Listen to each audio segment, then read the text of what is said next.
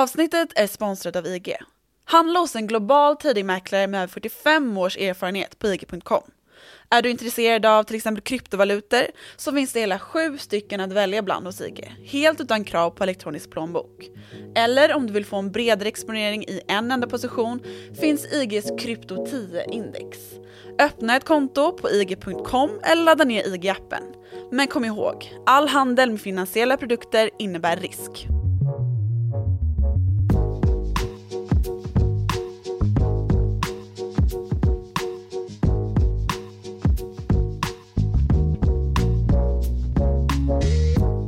Utvecklingsmarknaderna har varit bland de svagaste hittills i år och orsaken till det stavas Kina. De senaste veckorna har den Xi Jinping-ledda regeringen kanske mer än någonsin bidragit till att befästa bilden om att utvecklingen för enskilda aktier i kommunistländer kan te sig betydligt mer oförutsägbart än i västerlandets demokratier. Det regimangrepp mot techsektorn som ägt rum har varit en gåta för europeiska och amerikanska investerare med innehav i moderna Kinas tech-titaner Alibaba, Tencent och Baidu. Vad är det då egentligen frågan om? Vill inte regeringen att de här bolagen som många trodde skulle definiera framtidens Kina ska lyckas och därigenom bidra till att lyfta den tillväxt som allt mer krampaktigt försöker hålla sig vid målet kring, i en större kontext av moderna ekonomier, enorma 5 i det här avsnittet av Follow the Money som gör en podcast om makt, storfinans och börsen av och med mig, programledare Martin Nilsson och utrikesredaktör Joakim Rönning får du veta allt om vad det är som just nu försiggår i den kinesiska cyberrymd var i kommunistpartiets dominans gjort sig allt mer påtaglig och om de aktiefall som även spilt över hela vägen till svenska börsen. Jocke, vi är tillbaka i Asien eh, innan vi ens riktigt hann ge oss därifrån. Ja, det var ju en trevlig liten uh, sommarserie vi gjorde där. Det var det ju. Fyra avsnitt om Sydostasien och vi avslutade med att säga och konstatera att det här med kommunistisk ekonomi som ska giftas ihop med kapitalistisk ekonomi i form då av Vietnam är någonting som är eh, lite mer volatilt än, än vad vi är vana vid här uppe i, eh, i eller ja, här uppe i, här i västvärlden. Um, och det har ju inte minst Kina fått lite grann klä skott för de senaste, ja hittills under 2021. Mm. En skulle ju annars kunna tro att man, har man spenderat fyra raka avsnitt att beskriva det här geografiska området, att man kanske skulle vara lite nöjd med det. Men ja. det är inte vi. Nej. Nej. Det har ju hänt lite för mycket grejer här tycker vi. Ja, okay. Och Kinas digitala ekonomi är ju en fråga som har lyfts fram av många som eh, liksom Kinas nästa steg. Det är ju ofta så det går till ju när länder utvecklas, att man går från att vara någon sorts agrarsamhälle till att bygga upp industrier, få arbetare som flyttar in till stan och så sedermera så går man allt mer mot en tjänstesektor och i modern tid så gör man ju det genom att skapa en digital ekonomi. Och det har ju Kina också gjort ju med de här bolagen som gör de vi känner till lite till mans, Alibaba, Tencent, Baidu Alibaba är ju e-handel och ja, numera ett tech-konglomerat som ju har en massa verksamheter med moln, precis som uh, dess ska man säga, sektorkollega Amazon ju har. Mm. Um, sen så har vi Tencent som ju är världens största gamingbolag och Baidu då som är Kinas Google, alltså håller på med uh, stora datamassor och sökmotor.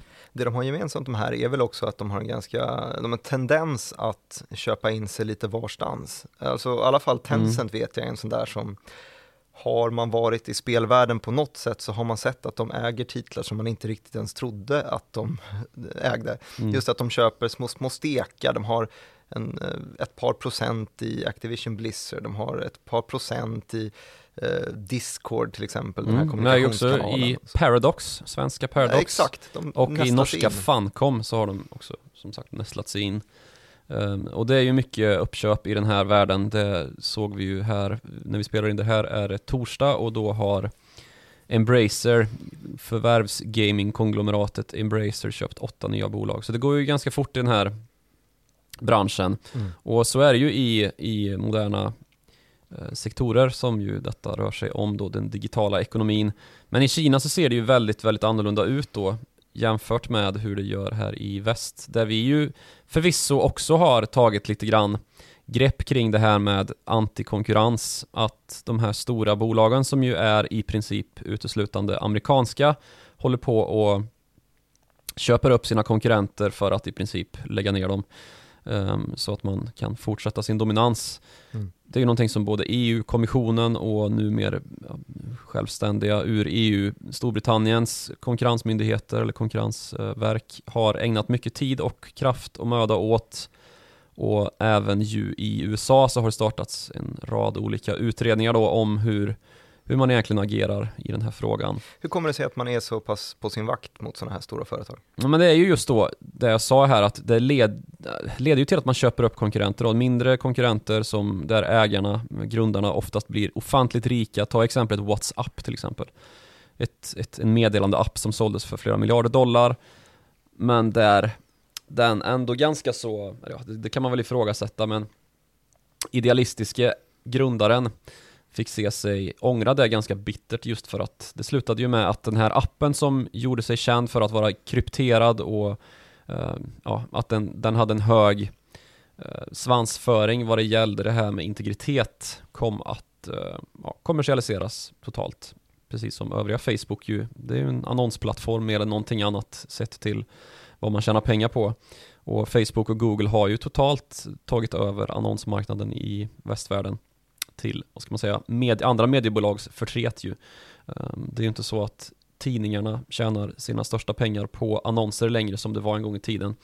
Ehm, för allt det sköts ju digitalt och det här med att komma närmare sina användare är väldigt ja, nödvändigt och en, en uh, säljpoäng som man inte kan göra på ett lika bra och specifikt, precis sätt som man kan med eh, de här sökmotorhjälpmedlen då som, som Google och Facebook sitter på bland annat. Mm. Och det här ser ju exakt likadant ut i Kina och det är ju under den här flaggan konkurrens eh, som kinesiska re regeringen då började slå ner mot digitala verksamheter. Och det, hela det här började ju någon gång här i slutet på 2020 när då Ant Group, det här finansteknologibolaget, skulle ut på börsen. Den här historien har vi ju mm. väntat vi, på lite grann. Den har vi dragit i några gånger ja. Men en, en kort version då, så är Ant Group då en eh, avknoppning från Alibaba, den här e-handels eh, tech-konglomeratet. Som då har eh, som sagt avknoppats och blivit världens största, i alla fall till eh, transaktionsvolym finansteknologibolag som då sköter transaktioner för i princip hela Kinas handel idag. Så att det växer ut ur ett e-handelsföretag som skapar sin ja, det skapades ju liksom, avdelning Ja, typ. precis. Mm. Exakt så. Det skapades som en att det blev ju nödvändigt för de handlare som, som rör sig på den här plattformen, eh, Alibaba och dylikt, eh, att kunna ta betalt och för kunder att kunna betala då. Då skapade Ant Group den möjligheten åt Alibaba då. Sen så blev det bolaget så himla stort så tänkte man att men vi, vi avdelar det här och så kan det fokusera mer på vad det egentligen gör. Behöver inte liksom, det kan det får ett bättre fokus om det får vara i fred liksom. Och här i fjol då så var det dags för börsnotering och det var ju på väg att bli den största börsnoteringen någonsin sett till den noteringsemission man skulle göra. Men bara några dagar innan själva emissionen som skulle ske både i Shanghai och i Hongkong i en dubbelnotering så hände någonting med Alibabas storägare och tidigare VD. Nu är han väl inget, inte ens ordförande längre. Men han är ju då en, en väldigt stark kraft och en, en eh, väldigt stor ägare i båda de här bolagen som har mycket att säga till om. Han lite grann försvinner. Först så blir han inkallad till kinesiska myndigheter, sätta sig i möte med eh, myndigheterna.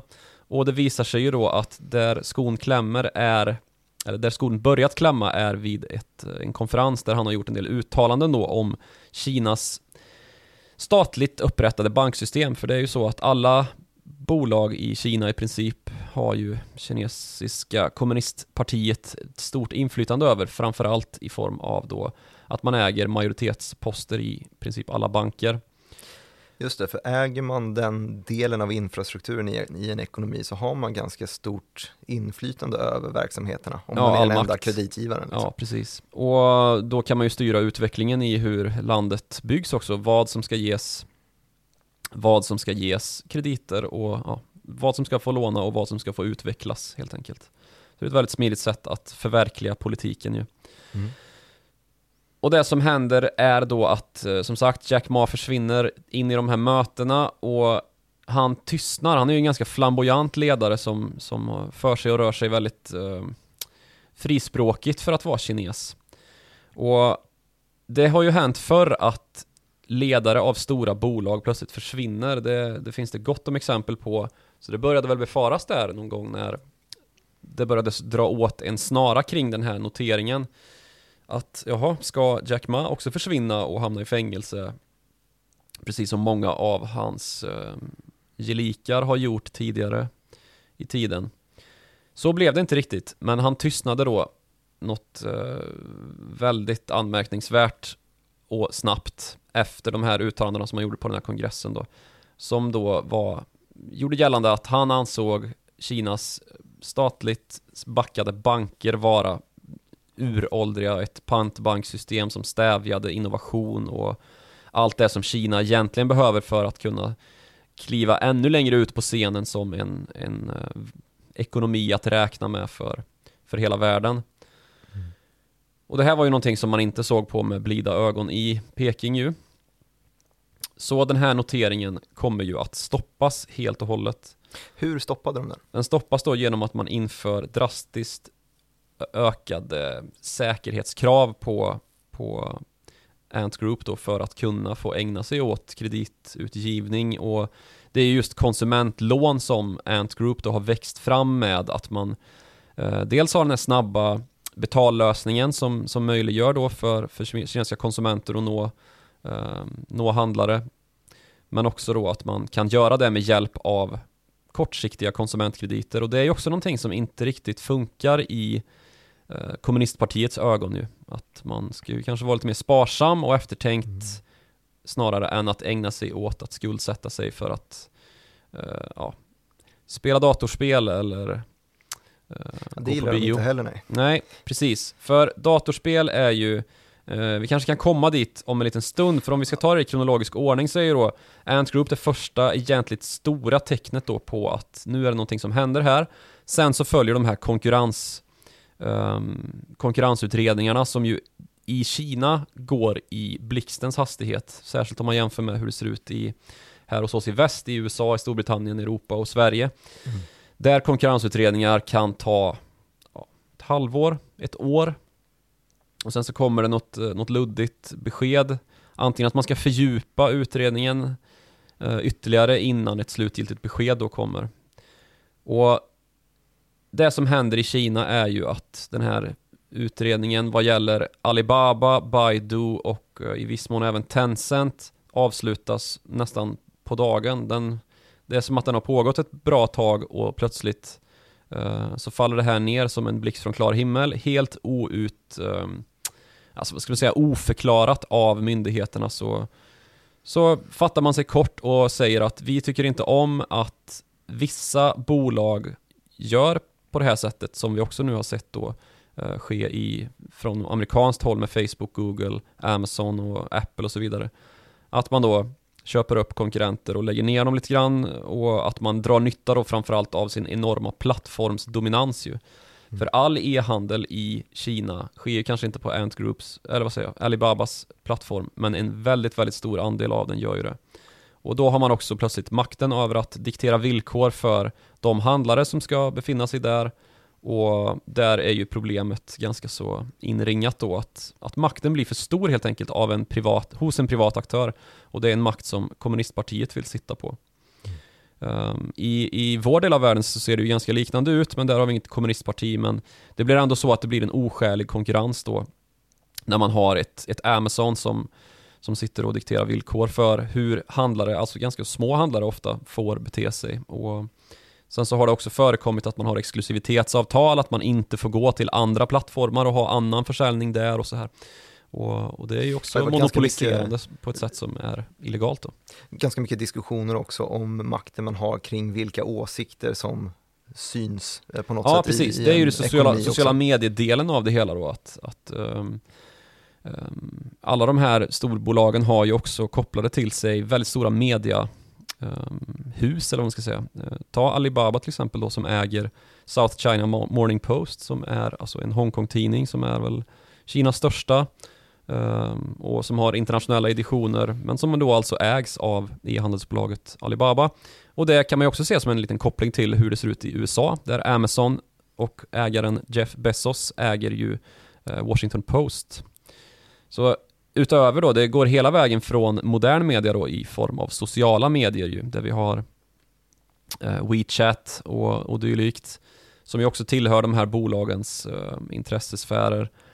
Så har vi också då um, gammelmedia hela vägen ner då till tidningarna själva och tv-kanaler och dylikt. Så man får ju en enorm in, ett enormt inflytande då att, om man, ska, om man ska ta det hela vägen ut då, att hjärntvätta befolkningen.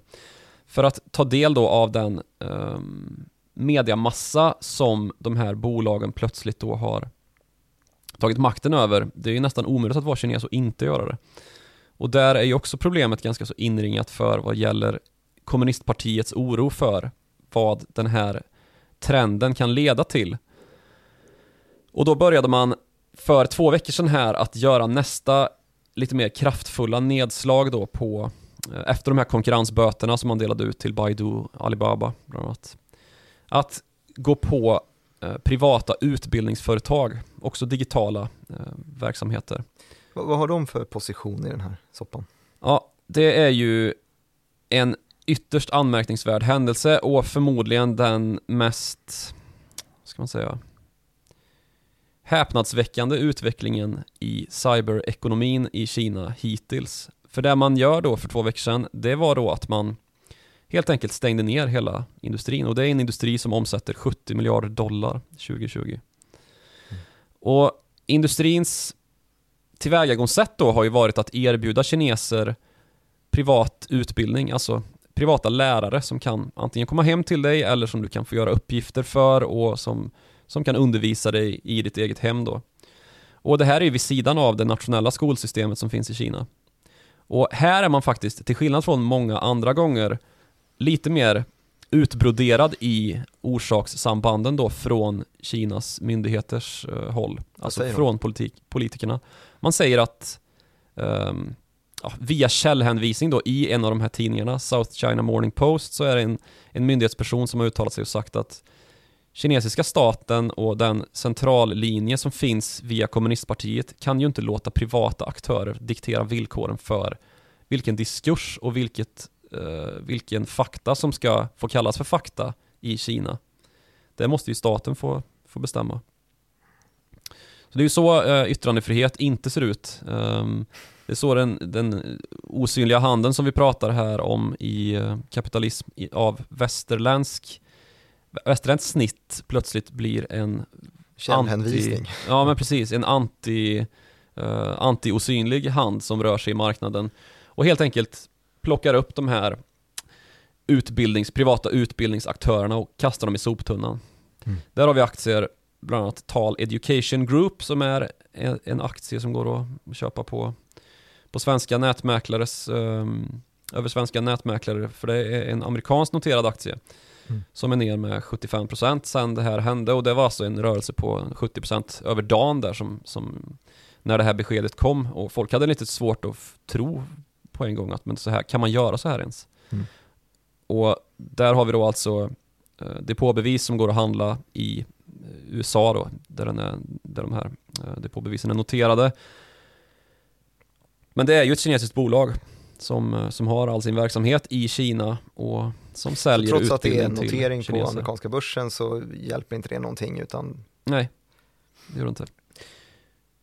Ja, det är ju en tydlig jäkla politisk risk och den politiska risken ser ju ganska annorlunda ut för vi är ju inte vana vid att det går så här pass snabbt när de här besluten kommer. Men Nej. du, vi nämnde ju någonting eh, som också hände och det var ju, rörde ju gamingsektorn och det var Mm, inte. Embracers åtta förvärv utan Nej, det var ju nästa, nästa steg i den här den här härvan. Eller först och främst så var det väl här emellan för någon vecka sedan så att um, Didi Chuching som är då Kinas Uber kan man säga, mm. gjorde notering i USA.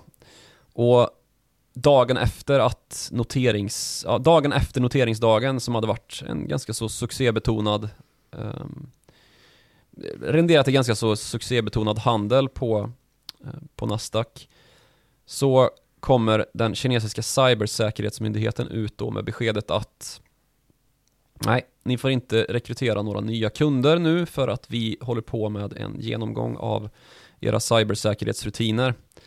Och det är ju inte så jättebra för för en aktie då, att, att ett bolag plötsligt inte får, får rekrytera nya kunder.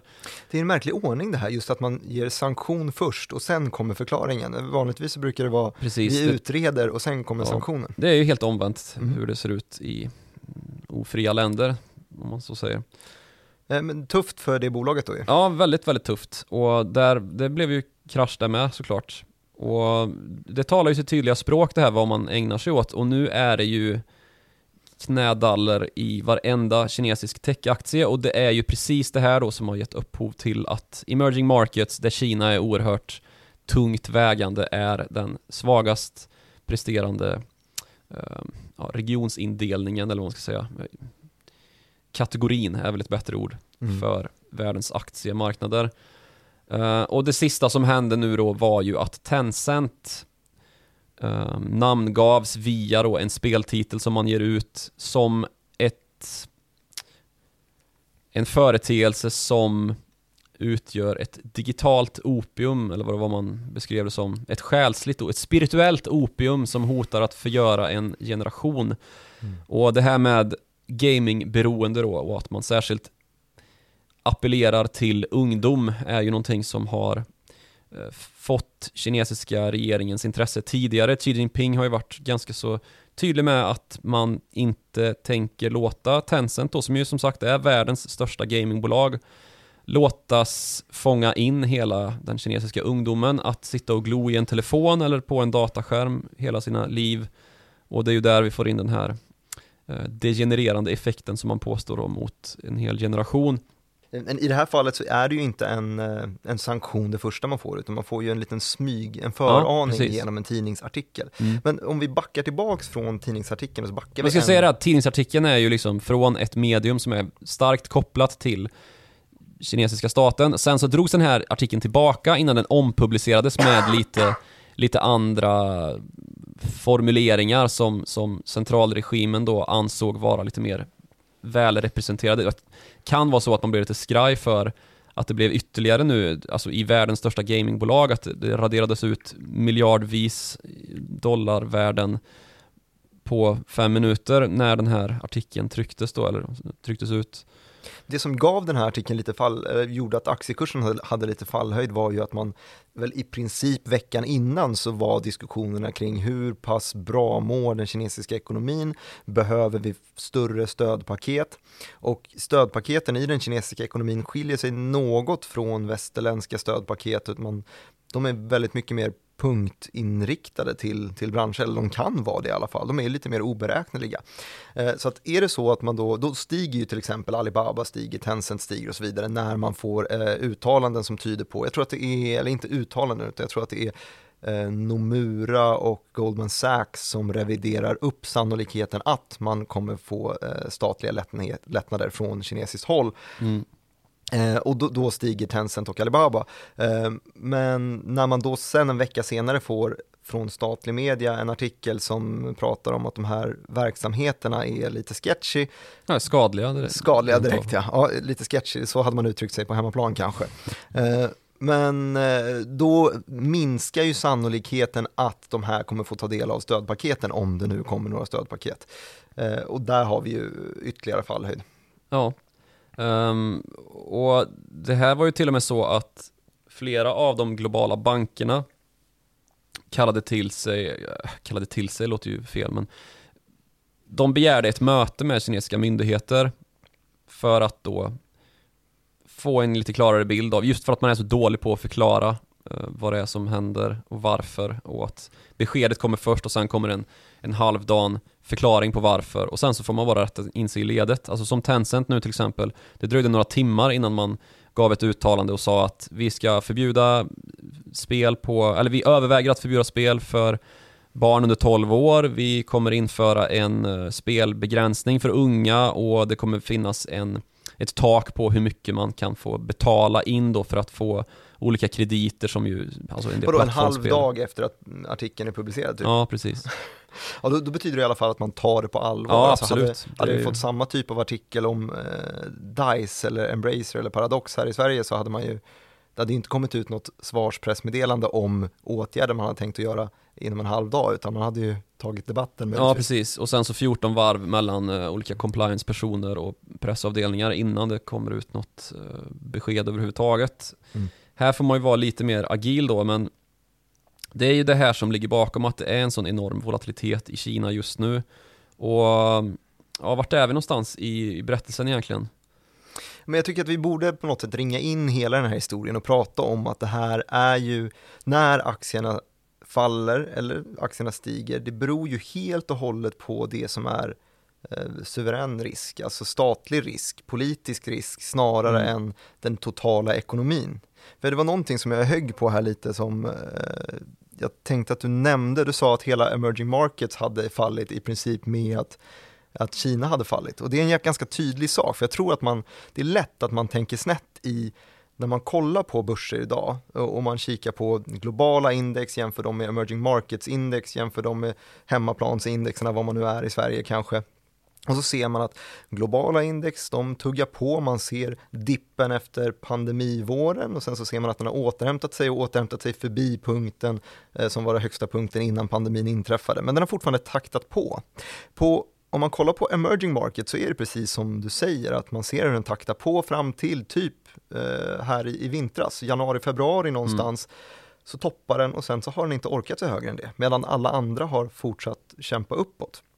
Och skulle man ta det i liksom traditionellt, en liten snabb överblick, vad är det som har hänt här? Vi ser att globala index fortsätter uppåt, men emerging markets sackar efter. Då skulle man lätt kunna tro att det är den här bakgrunden som man ofta tänker att riskviljan håller på att för- försvinna från marknaden. Att man då när man känner att oj, nu är vi högt värderade, nu vill vi dra ner på risken, då plockar man hem pengarna, plockar dem, sätter dem i de absolut största bolagen, de säkraste bolagen. Man vill inte ha sina pengar spretande på emerging markets, alltså tillväxtmarknader. Så att när man förbereder sig för sämre tider så ser vi utflöden vanligtvis från de mest riskfyllda och underutvecklande marknaderna först. Och har man det i bakhuvudet när man kollar på index för emerging markets och jämför det med index som jag sa på globala marknader så ser man ju att emerging markets har fallit medan globala index har fortsatt tugga på. Det styrker hypotesen.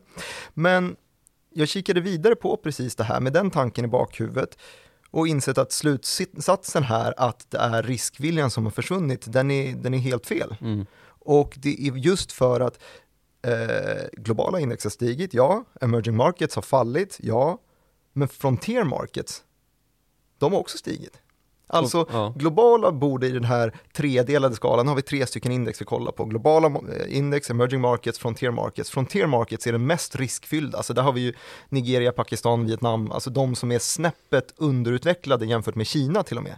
De har stigit. Och det brukar ju alltid vara ett tecken på att försvinner riskviljan ur marknaden, då är det frontier markets som tar stryk först, sen kommer emerging markets, sen kommer globala index. Men nu är det bara emerging markets som har fallit. Och hur funkar det? Är det så att riskviljan finns kvar i Pakistan, Vietnam, Nigeria? Ja, det finns den. Men svaret är ju inte det att man inte längre tror på emerging markets, utan svaret är Kina. Mm. Alltså när du köper emerging markets så köper du Kina. Köper du en, bara en bred emerging markets-fond, ta eh, jag kikade på de mest ägda, Öman Emerging Markets, 100 000 aktieägare på Avanza, det är den största när man söker in bara emerging markets. Så har de eh, eh, visserligen ett 15-tal länder som de eh, in- investerar i som är emerging markets, men eh, Kina är 44,5% av fonden. Mm. Och eh, sen så den näst största i Taiwan är 20%. Och sen så är det alltså resten av länderna, alltså Brasilien, Ryssland, Indien, eh, Thailand, Indonesien, Sydkorea, Sydafrika, Polen, Saudi, allihopa de här, de delar på de resten då 35 procentenheterna. Det är liksom, man tror att man exponerar sig mot emerging markets, men nej, Kina är emerging markets. Så det betyder inte att riskviljan eller konjunkturcykeln är förändrad eller vad det nu kan vara, utan det är just fan, politisk risk som styrs av två, tre gubbar i Kina som plötsligt tar ett möte och säger hörni, eh, vi måste dra ner på Tencent.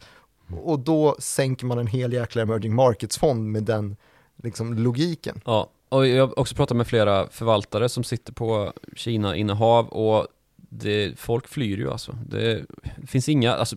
det finns inga planer på att köpa dippen verkar det som. Ehm, det är mycket snack om att det här är ju helt oförutsägbart liksom, vad Kina bestämmer sig för att göra härnäst. Mm. Och när och om det nu vänder, gör det det på riktigt då? Som du sa det här med att man i förra veckan så var, så var det prat om att man skulle tilldela lite stödsanktioner um, och så plötsligt så blir det precis tvärtom då med de här artiklarna i lite olika bransch eller branschpress i den statligt kopplade pressen helt plötsligt. Mm. Så, så, det är oerhört, oerhört uh, och alltså den går också, resonemanget går åt andra hållet också, just att man tror att man, att man investerar i emerging markets, men så är det egentligen bara Kina som är emerging markets. Samma sak går åt globala hållet också. Investerar du pengar i en global fond så investerar du i Silicon Valley. Alltså det är ju, mm. jag tror att det var Jonas Lindmark som var, och jag vet inte om han är det fortfarande, men chefredaktör på Morningstar någon gång som sa just det att Eh, akta er för globalfonder för att egentligen så betyder det att du investerar på en, en yta som är några, några hektar ungefär, där, mm. där sitter alla deras anställda. Eh. Ja, men tillbaks till Kina då så, så är ju det, kan man, man kan ju fråga sig då, är kinesiska samhället eller den kinesiska strukturen verkligen byggd för vår västerländska finansmarknad? För det är ju den som bankerna, det är ju anledningen till att de här globala bankerna begär ett möte med kinesiska myndigheter, för de vill ju hålla koll på då, men är ni på väg att, att splittras från amerikanskt synsätt på vad finans är eh, med er kapitalist-kommunistiska modell, eller är det fortfarande lugnt? Är vi okej? Okay? Mm. Och svaret är ju nej, vi är inte okej, okay, men vi har nog aldrig varit okej okay heller. För det saknas ju yttrandefrihet och regimen är fortfarande to totalitär i Kina. Och det vill då säga att den är outbytbar. Och som du säger, det är två, tre gubbar som sitter och bestämmer. Och de bestämmer ju ofta på väldigt mycket längre sikt än vad vi gör här i västvärlden. Och det går aldrig att överklaga. uh, om man nu skulle drabbas av ett av de här besluten. Mm. Och därför blir ju också risken att investera kinesiskt mångdubbelt högre. Eftersom att regeringen av helt subjektiva skäl kan komma på då att nej, vi måste krossa den här sektorn. Som man gjorde nu då med privat utbildning. Mm. Och det kan man göra på en tusendel. Um,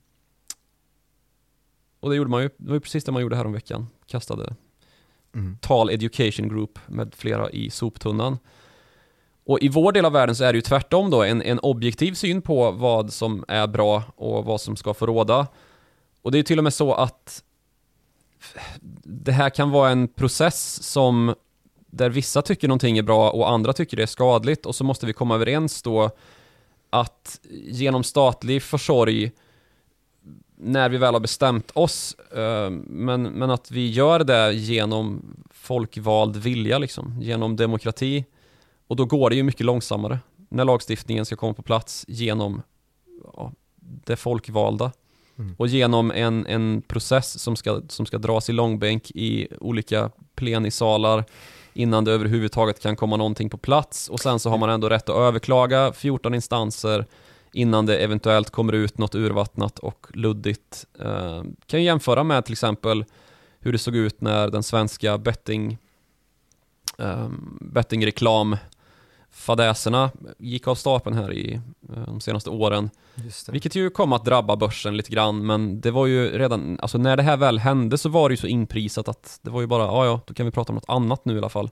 Samma sak när, eh, kommer du ihåg att eh, Shekarabi skulle utreda vinster i välfärden så var det ju väldigt många ja. långbänkar i hur de olika utbildningsföretagen skulle om vi nu var inne på alltså, utbildningsföretag också tidigare här. Vi har ju precis, vi har ju precis gått igenom en svensk regeringskris som inte, det gjorde vi ett helt avsnitt om att det inte rör börsen i ryggen. Mm. I Kina så är det ju precis tvärtom.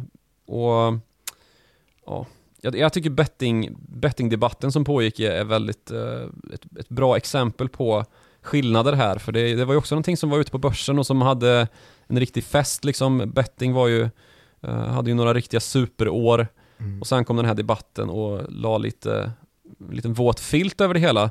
Men det som händer i Kina nu är ju, ja, det är mer än en våt filt det. Det det är startkablar till den våta filten. Ja, precis. Ehm, men risken kommunistpartiet då motiverar det här, de här besluten med är ju att man ska tappa kontrollen över massorna. Mm. Det är ju inte en risk som finns i demokratier på, på samma sätt eftersom att det här definierar man ju en o, alltså att en tappad kontroll över massorna, ja då förlorar man ju valet ungefär.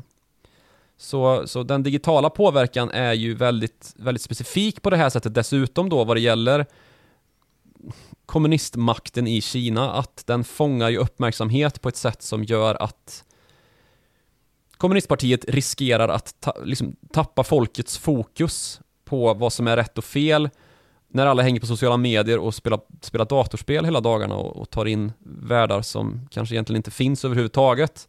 Och det är ju precis därför man har förbjudit västerländska sociala medier och inrättat sina egna då. Det är ju det som har gjort att det finns en grogrund för alla de här eh, stora techbolagen i Kina. Eh, till skillnad då från hur det ser ut i ja, Sverige till exempel. Här finns inte många sociala mediebolag som har kommit särskilt långt direkt. Ehm, men sen så har man ju lite grann liksom lyckats maskera de här åtgärderna i början i alla fall med att det här handlar om konkurrens, antikonkurrens. Ehm, det är monopolbyggande bolag som inte ska få bete sig på det här sättet. Det tycker ju ni i väst också. Och ja, det har de ju helt rätt i. Det är ju behjärtansvärt på något sätt. Men att gå därifrån till att kalla gaming för digitalt opium och att det ska degenerera och hota en hel generation. Det är ju ganska långt. Det är ju liksom det är ju video och tv-spelsvåldsdebatten i kvadrat. Um, så kan man ju ändå i förlängningen då kanske fråga sig vad är det, vad är det de, de vill ska ersätta då?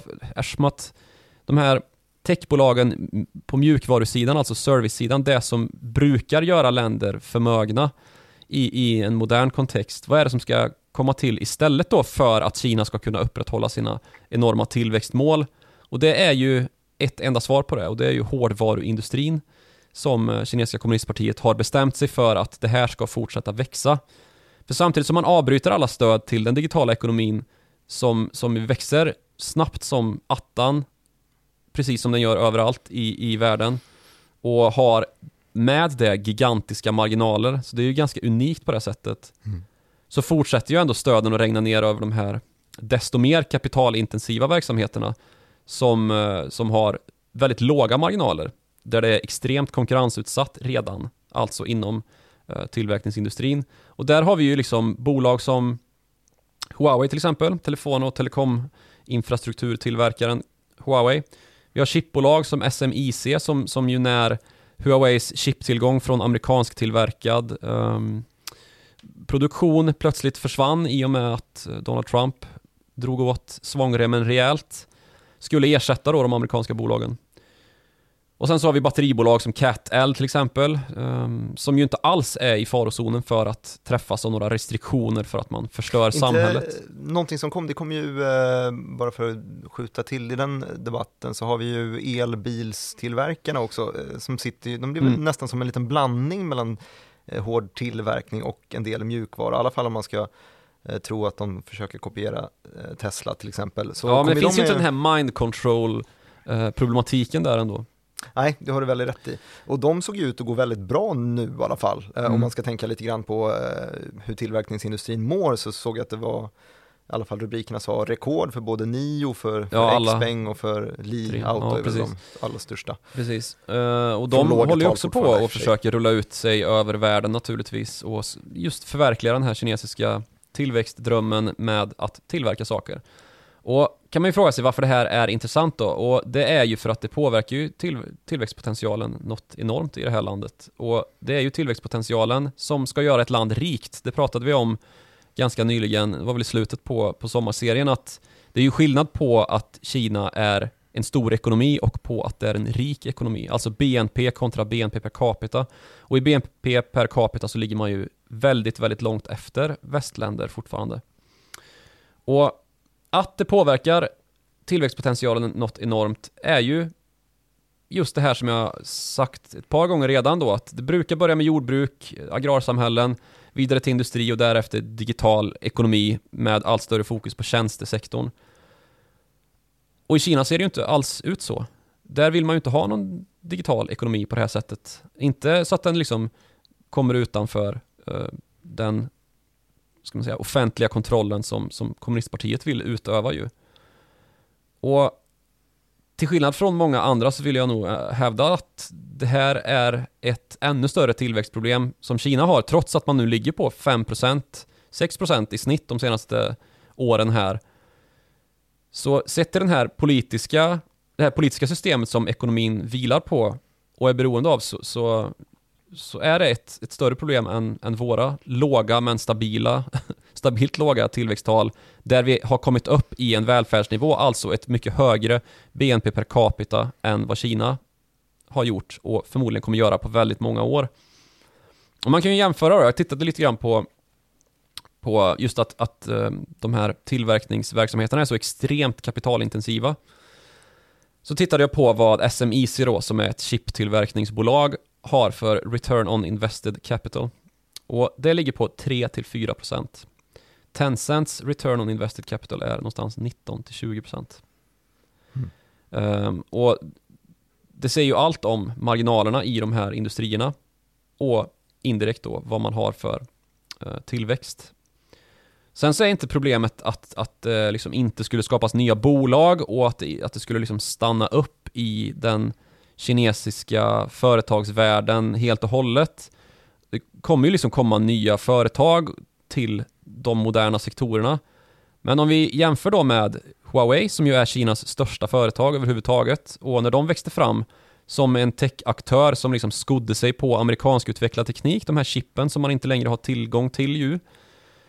Så, så har det ju liksom på den fronten också brutit ut ett handelskrig som försvårar möjligheten för den här tillverkningsindustrin nu att tillverka premiumprodukter av, ja, av högsta klass som ska konkurrera med då produkter som, som kommer från företag här i, i väst, Apple till exempel då. Och visst att de, de har tillverkning och montering i Kina, men det är ju inte kinesiska produkter. Vinsten landar ju någon annanstans. Så jag skulle närmast säga att den här typen av liksom bolagskonglomerat som, som Huawei har blivit nu, de är omöjliga att bygga i eh, ett kinesiskt, en kinesisk näringslivskontext om man skulle börja idag. Eh, och anledningen till att till att det är så är USA och att USA och övriga världen har börjat dra åt tumskruvarna kring det här med den kinesiska praxis som har gjort Kina så oerhört framgångsrika i form då av den här forcerade tekniköverföringen som har, alltså att man har varit tvingad att överföra teknik om man vill etablera sig i Kina. Att man har eh, stulit immaterialrätter, alltså ritningar på, eh, på avancerade produkter och som då har använts för att göra Kina-kopior mm. uh, i Kina-kopians hemland.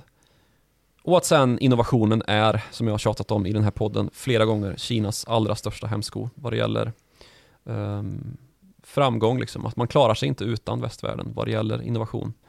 Sen kan man säga vad man vill om det, det finns sådana som säger precis tvärtom också. Men jag vill ju fortfarande hävda att innovationen, den spjutspetsinnovation som finns i Kina, den finns i Taiwan och då blir det en fråga om Taiwan och den är mycket mer geopolitisk än vad vi kanske ska gå in på nu. Det har vi varit inne på väldigt mycket redan mm. i andra avsnitt. Den kinesiska provinsen och så vidare. Precis. Och att Kina då, för att kunna möjliggöra den här enorma kapitalintensiteten som man behöver nå då för att få sin, sin återväxt på kanske 4-5% i tillverkningsindustrin. Nu är SMIC har ganska låg um, return on invested capital vet jag. Men om man ska nå framåt då så måste man ju hitta ett sätt att skuldsätta sig med eh, någon, sätt, någon sorts hälso, hälsofaktor i liksom. Och då är ju kanske svaret på det Belt and Road Initiative, alltså den nya sidenvägen, som ett sätt då att eh, ja, bedriva en eh, skuldsättning av andra länder som kan då betala för Kinas skulder. Mm. Um, det blir en, en intressant del att följa, för det känns ju då som att vi har två stycken länder som går åt helt olika håll när de stöter på samma problem. Just den här, som vi snackat om, monopol eh, företagsimperialismen, Mm. alltså när eh, fangbolagen växer sig extremt stora. Samma sak händer då i Kina som i USA som vi har pratat om. I USA så har man ju också i, sin, i någon mån tappat delar av kontrollen. Man har väldigt svårt att ta Eh, skatteintäkter av de här bolagen. Man har väldigt svårt att säga till dem vad de ska göra. De börjar bli så pass stora att de klarar av att eh, sitta igenom utfrågningar i kongressen och kongressen hänger inte riktigt med på vad de egentligen gör för någonting och de lyckas slinga sig undan och sätter ett högkvarter i Monaco och sätter ett högkvarter i Dublin och sätter, ja, och så vidare. Flyr undan på något sätt, har blivit så pass stora och Kina har istället gått åt andra hållet och inte låtit dem de tar, tar tag med, med hårdhandskarna igen och då blir det spännande Precis, att se vilken det är lite som blir snillrikt det här framgångsrik. också Hur väldigt många av de här amerikansk, alltså där man noterade aktier först i USA Alibaba gjorde ju till exempel det Mm.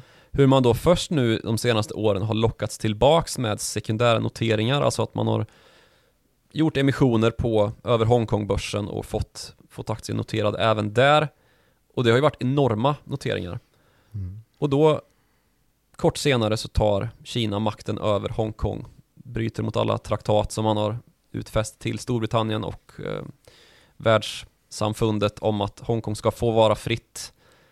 Och så plötsligt har man tagit tillbaka bolagen på, på Hongkongbörsen också.